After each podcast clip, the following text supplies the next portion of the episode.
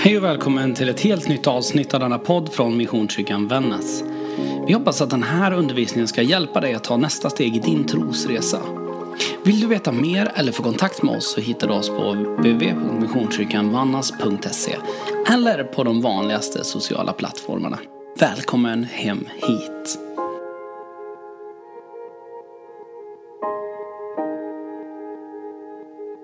Det är konstigt. Saker som ni vet man har längtat efter länge, man har förväntningar på.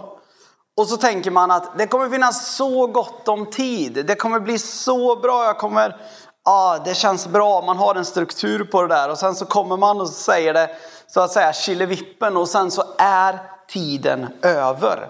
Så känner jag kring det här temat. Det har varit en resa i alla fall för mig. Jag hoppas det har varit någon form av resa för dig. Men jag känner, jag skulle kunna köra tre veckor till. Jag lovar, det kommer inte bli tre veckor med Nehemja till, men man skulle kunna göra det. De här två första veckorna i den här serien så har jag tagit med dig genom Nehemjas princip. Dels att nå från nöd till vision. Men jag har också talat om några av de där sakerna som ofta står i vägen för att låta en vision komma till verklighet. Jag pekade förra veckan på tre saker som jag tror utifrån Nehemjas berättelse är tre riktigt allvarliga utmanande sakerna om din dröm och vision ska bli verklighet. Det är integritetsbrist, människofruktan och jante. Idag så ska vi försöka knyta ihop det här, komma någon form av vart med det här. Och jag tror att man kan få svar på alla de här tre utifrån Nehemja, hur man hittar en väg förbi det. Jag tror att det är liksom tre egentligen huvuddrag. Det ena det är att man ska hitta grunden till allt som man vill göra som betyder något. Det andra är på något vis att hitta fokuset i det. Att hitta hur ska jag nå och framförallt varför ska jag nå det där jag drömmer om? Och sen på slutet så lovar jag så ska jag ta med dig till det där som jag lovade redan förra veckan. Det som jag tror är hemliga svar på hur man råder bot på Jante. Men först, hur förhåller du dig till ditt liv? När du liksom lever ditt liv, du lever den där vardagen, jag vet inte vad den är, men om man skulle fråga den svenska liksom, eh, statistiska centralbyrån så lever du i ett hushåll som består av två och ett halvt barn. Eh, du är troligen lever tillsammans med någon annan människa. Du äter troligen frukost de flesta dagarna, även ifall du slarvar någon gång ibland. Snittpersonen också, den har ungefär ett och ett halvt års högskolestudier. Som andra ord har man oftast hoppat av efter halva kandidatexamen om man ska lyssna på central, Statistiska centralbyrån. Du är oftast rätt så missnöjd med ditt arbete och önskar lite förändring i tillvaron. Om vi säger att du är den personen. Förhoppningsvis är du inte den personen, men säg att du är den, för det är snittpersonen i Sverige. Hur förhåller du dig till ditt liv? Vad tänker du är egentligen själva syftet med ditt liv? Eller för att citera min, min käre far som någon gång sa, man måste ju någonstans komma till punkten att fundera på varför äter jag den där havregrynsgröten på morgonen och kämpar mig iväg? Vad är syftet? Så som jag upplever det så är det ibland som så att vi målar upp två stycken liksom diken i vårt samhälle som vi på något vis liksom lite raljant talar om. De här två är problem. Det ena är arbetsnarkomanerna. Och då menar jag inte arbetsnarkoman i den meningen som att du kanske jobbar på ett känt börsbolag och att du knarkar på arbetstid. Det är inte det jag menar utan att du jobbar för mycket. Det är det ena. Det andra fallet det är en sorts individualistiskt frihetstänkare åt andra hållet. Där man tänker att nej, alltså jobb det känns himla onödigt. Alltså prion i mitt liv, det är ju frihet. Det är att jag ska bara flyta omkring. Vi har kallat det en hemskt massa olika saker genom åren. Vissa skulle nog använda uttrycket, och det är nog det som jag tänker är det som ligger närmast. En levnadskonstnär. Och sen någonstans så tänker vi att de allra flesta av oss vandrar någonstans kanske mitt emellan där. Om man tänker så här, mitt emellan på den där stegen kanske det är att gå och ställa sig på skiftet, jobba 7 till 16. Göra sina 40 timmar i veckan men inte mer. Det kanske är någonstans mitt emellan det där. Och vi lever, de allra flesta av oss, någonstans mitt i det här. Det som är det underliga bara dock i vår tid, det är, skulle jag säga, att vi brukar oftast i vår tillvaro problematisera diken. Vi brukar säga, prata om att ah, det där det är problematiskt att leva så och vara arbetsnarkoman. Eller det är problematiskt att ja, men den här personen den bidrar inte på samma sätt som vi skulle önska. Men i det här fallet så skulle jag säga att det är nästan så att vi som befinner oss, för jag ser mig själv som någonstans i mitten här, det kan jag erkänna. Det är som att man pratar nästan om lite imponerande om den där arbetsnarkomanen ibland. Den får ju så mycket gjort.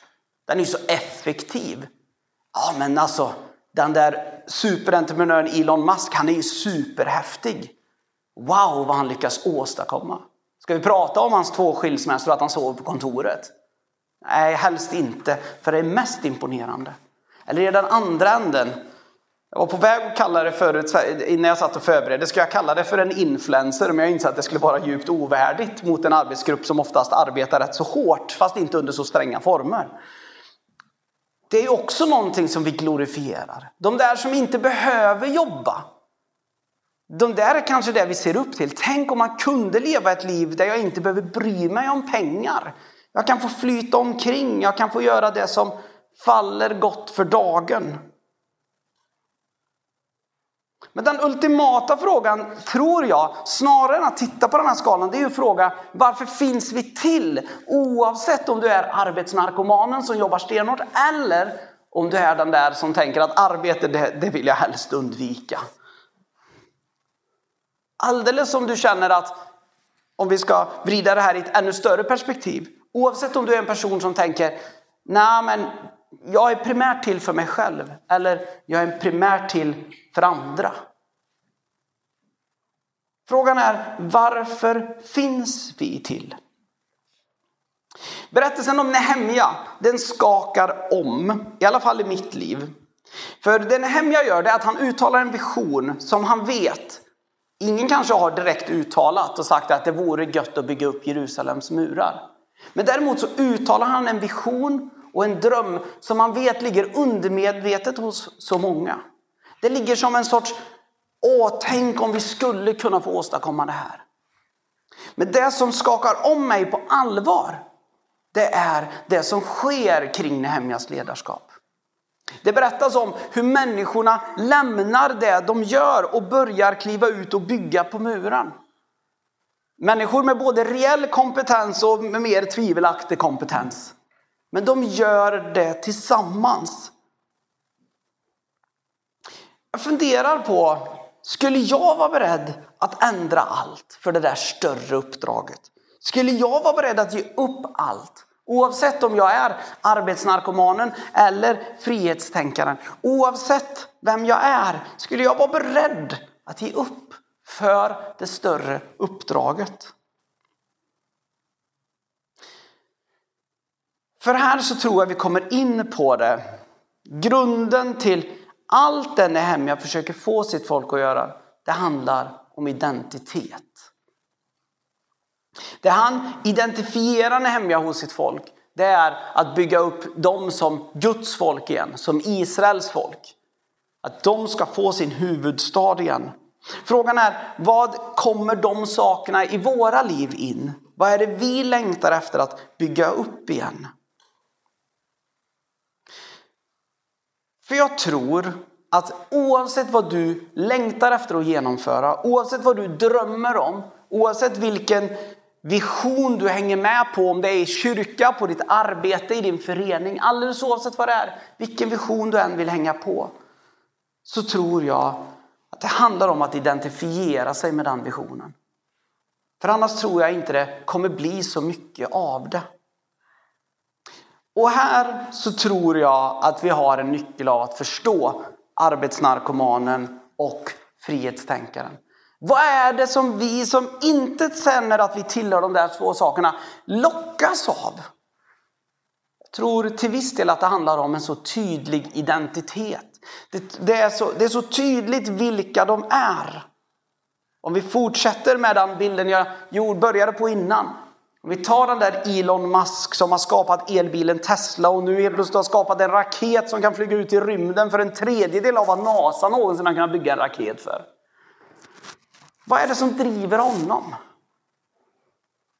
Alltså hans vision är så tydlig. Han har identifierat sig med att jag ger mig inte. Jag ska kunna åka till Mars före NASA gör det. Före den amerikanska staten lyckas sätta en människa på, mån, eller på Mars så ska jag lyckas. Det driver honom så stenhårt. Och jag tror oavsett om vi kan tycka att det är en bra idé eller inte så tror jag att många av oss kan känna igen den där wow, vad man kan vara identifierad och bunden till ett liksom, till ett hjärteämne. I den här församlingen så har vi sagt att eh, vi vill vara en kyrka för hela livet. Där mötet med Jesus Kristus förvandlar mig, dig och världen. Och sen säger vi efter det, tillsammans vill vi älska Vännäs. Välkommen hem hit. Ibland så funderar jag på hur gör vi det? Hur klarar vi av att göra det? Och jag tror så här i grunden, och innan jag säger det här så vill jag vara tydlig med er. Jag säger inte alltid att jag alltid är det här. Men jag funderar på hur helhjärtat investerad är man i den tanken? Att älska Vännäs. Om det skulle krävas, skulle du och jag vara beredda att lämna allt det vi gör just nu för att gå ut och bygga på det bygget. Att älska Vännäs. Just i vårat fall kanske det inte är att bygga upp några stadsmurar eller få upp templet igen. Men skulle vi vara beredda? Här ska ni få ett skräckscenario. Ponera att en av dammarna långt upp i Umeälven sticker. Jag har läst på hur det där fungerar och man kan väl säga i Umeälven finns inte några bra beräkningar på det men i Luleälven finns det bra beräkningar där man säger att sticker Sorvadammen då sticker varenda damm. Både du och jag begriper vad det skulle innebära. Det skulle innebära en fullkomlig förödelse. Om vi tar då och apterar det på vårat samhälle. Den dagen som älven kommer rusande. Det skulle innebära en fullkomlig förödelse för oss i det här, i den här, på den här platsen där vi bor. Vi som kyrka, förhoppningsvis klarar sig en stor del av oss levande ifrån det här. Men i återuppbyggandet, där det inte finns den där infrastrukturen kvar, där kommunen kan säga att de har vilken beredskap som helst, men jag tror inte den beredskapen är så supergod när en älv har kommit dånande. Skulle vi vara beredda att säga, nej men vi har ju sagt att vi vill älska Vännäs. Skulle vi vara beredda att kliva utanför och inse att okej, okay, jag kan inte bara se till mitt eget. Mitt egna hus må vara fint här nu, men det finns en stadsmur att bygga på. Eller i ett sånt fall. Ja, mitt hus, det finns inte så mycket att bo i där längre, men ah, ska jag börja med att bygga upp det eller ska jag hjälpa till att bygga upp platser för de som är som mest sårbara i vårt samhälle? Den Nehemja och hans vänner eller hans folk hade varit med om är praktiskt taget en förintelse utav Jerusalem strax innan. Förintelse utav allt som var stort och starkt.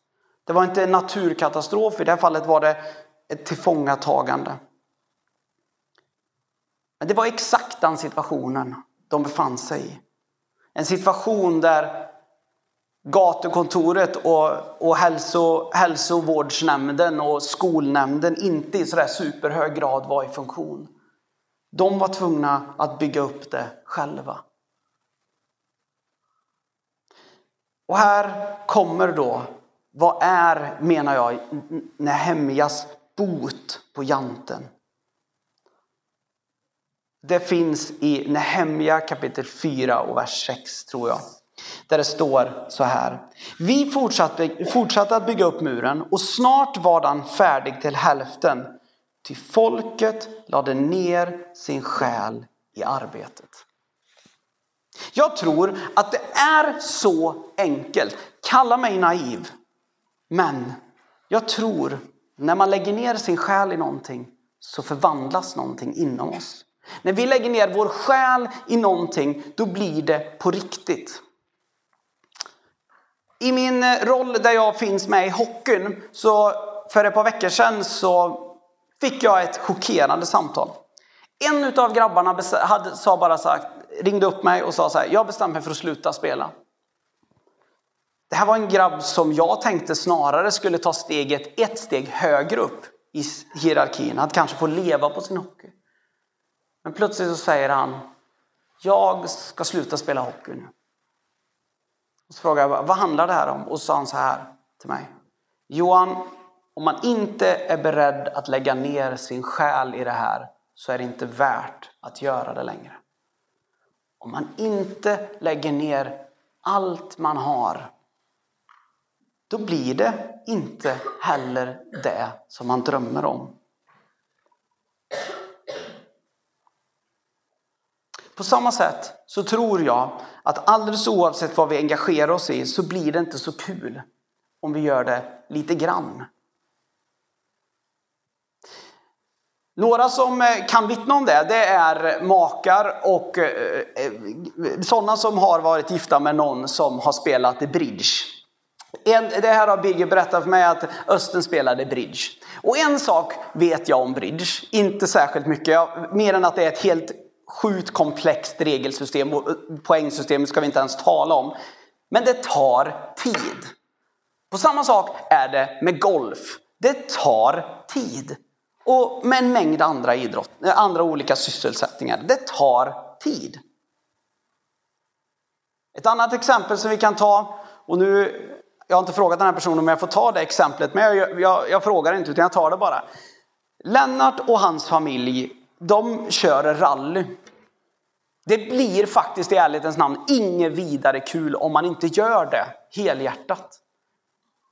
Att satsa på någonting, det innebär inte att ah, jag går in med 20% i det här. Nisse får åka till tävlingen här men vi har egentligen inte fixat en kartläsare som kan vara med hela tiden utan det, det, det får bli den ena dagen får vi ta en annan. Men det är nog lugnt, det är ingen fara, de behöver inte träna ihop. Det är ju skoj bara att få vara med. Eller åka till tävlingen och säga att ah, vi skulle behöva fem uppsättningar däck men vi åker dit med ett par uppsättningar däck. Det blir ju lika skoj ändå. Ja, det går åt minst fem uppsättningar däck. Det är helt otroligt och det kan vi diskutera någon annan gång. Men grejen är, det blir inte kul om man inte gör det på riktigt. Lägger du inte ner din själ i det, då blir faktiskt resultatet och eftersmaken rätt halvdan. Och jag tror att i den miljön där man inte lägger ner helhjärtat, det är Frodas jante. Där växer den där tilltron, jag kan inte, växer så det knakar. En av mina nära vänner under studieåren, hon var en del utav en, utav en ung kyrka. En ung kyrka som jag har fascinerats mycket av. De fyller faktiskt 15 år nu i helgen. Och den här kyrkan, jag frågade henne, vad har varit receptet för er? Vad är det som har gjort att ni liksom, hur kan ni få människor att ställa upp på det här? Det är en kyrka som ännu knappt äger egna lokaler. De hyr och kuskar runt mellan olika teatrar och konferensanläggningar i Stockholm. De börjar varje vecka. Ljudteknikern som har varit i Stockholms centrala församling, där han har varit ljudtekniker sedan de startade. De kuskar upp. Han börjar klockan sex varje söndag morgon med att bygga en kyrka i princip. De rullar ut kablar varenda vecka. De gör allt varenda vecka. De ställer upp stolar varenda vecka. Och så frågar jag Jenny, hur får man folk att ställa upp på det här? Jag menar varenda församling jag har varit i, liksom, jag, jag, man har svårt att få en ny mötesvärld. Liksom. Vad gör ni? Och så sa hon så här. Allting handlar om att vi var ett gäng människor som sa att här lägger vi ner hela vår själ. De byggde en kultur där de sa att om vi inte lägger ner hela vår själ, om vi inte lägger hela söndagen i det här, då tycker vi nog inte det är värt att göra det här. Då finns det väldigt många andra saker att göra. Och vi kan säga så här, det finns nog få platser på jorden som innehåller så lite jante som jag har mött i den församlingen. Och jag funderar på hur påverkar det dig och mig? Hur påverkar det oss? Jag vill betona, det finns dagar då inte jag lägger ner hela min själ. Det finns dagar då jag också tycker att ah, satsar inte hundra, det, det, det är ingen idé. Men om det är så att vi i grunden, vår identitet i grunden baseras kring att vi längtar efter att se saker hända. Om det är så att vi i grunden längtar både efter att det är att wow, tänk att få vara en sån där som det händer så mycket kring. Eller att få vara den där som bara kan få njuta av frihet hela tiden. Om vi har knutit oss till det fokuset att vi vill älska Vännäs. Vi vill att människor ska få möta Jesus här. Tänk om vi än mer skulle börja fundera på hur det påverkar mitt liv. Jag säger inte, och det här är inte ett beställningsjobb utav valberedningen, det lovar jag er. Det är inte det jag pekar på. Om det sker någon annanstans, om det sker i fotbollsklubben, i ishockeyföreningen, Gud välsigne dig, underbart.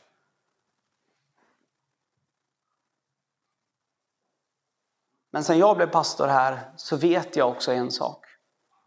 Och det är att i vissa människors liv så är den senaste tv-serien ett större fokus än hur vi ska kunna bygga en församling. Och jag vill inte vara den som är den. Jag förstår då att det inte är så kul att bygga församling varje dag. Om det är det som blir fokuset. I Nehemja 8 så står det så här. Provinsguvernören Nehemja, prästen Esra, den skriftlärde och leviterna som undervisade folket sade till de församlade. Denna dag är helgad åt Herren er Gud. Ni ska inte sörja och gråta, ty hela folket grät när de hörde vad som stod i lagen. Och Esra fortsatte. Gå nu hem och njut av god mat och sött vin och dela med er åt dem som inte har kunnat förbereda någonting. Till denna dag är helgad åt vår Herre. Var inte bedrövade, den glädje Herren ger är er styrka. Och för att folket skulle tystna så sa leviterna än en gång, var stilla, det är en helig dag, var inte bedrövade. Då gick alla hem till sitt för att äta och dricka och dela med sig åt andra. De firade en stor glädjefest, för de hade förstått att det som man hade undervisat dem om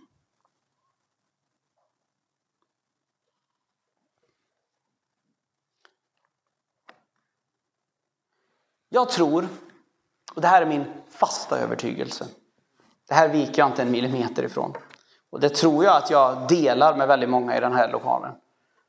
Det är att evangeliet är den bästa historien som någonsin har berättats på denna jord. Det är det bästa som någonsin vi skulle kunna ge till vår omgivning. Och det bästa av allt är att det inte bara är en historia det är sanning.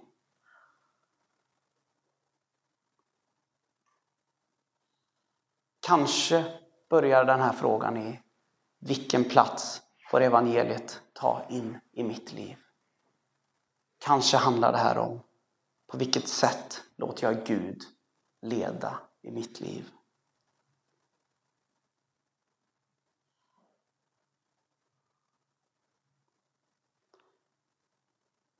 Om det är så att du tillhör antingen arbetsnarkomanen eller den där individualistiska fritänkaren eller är någonstans däremellan. så är du troligen en person som tycker det där med kontroll är rätt så viktigt. Det är jobbigt att släppa taget. Jag vill bara påminna dig om en sak då. Gud kommer aldrig leda dig ut i någonting som inte passar dig. Kommer aldrig leda dig till någonting som är fruktansvärt för dig. För den godheten som Gud har, den ska följa dig. Det kommer inte ge upp dig.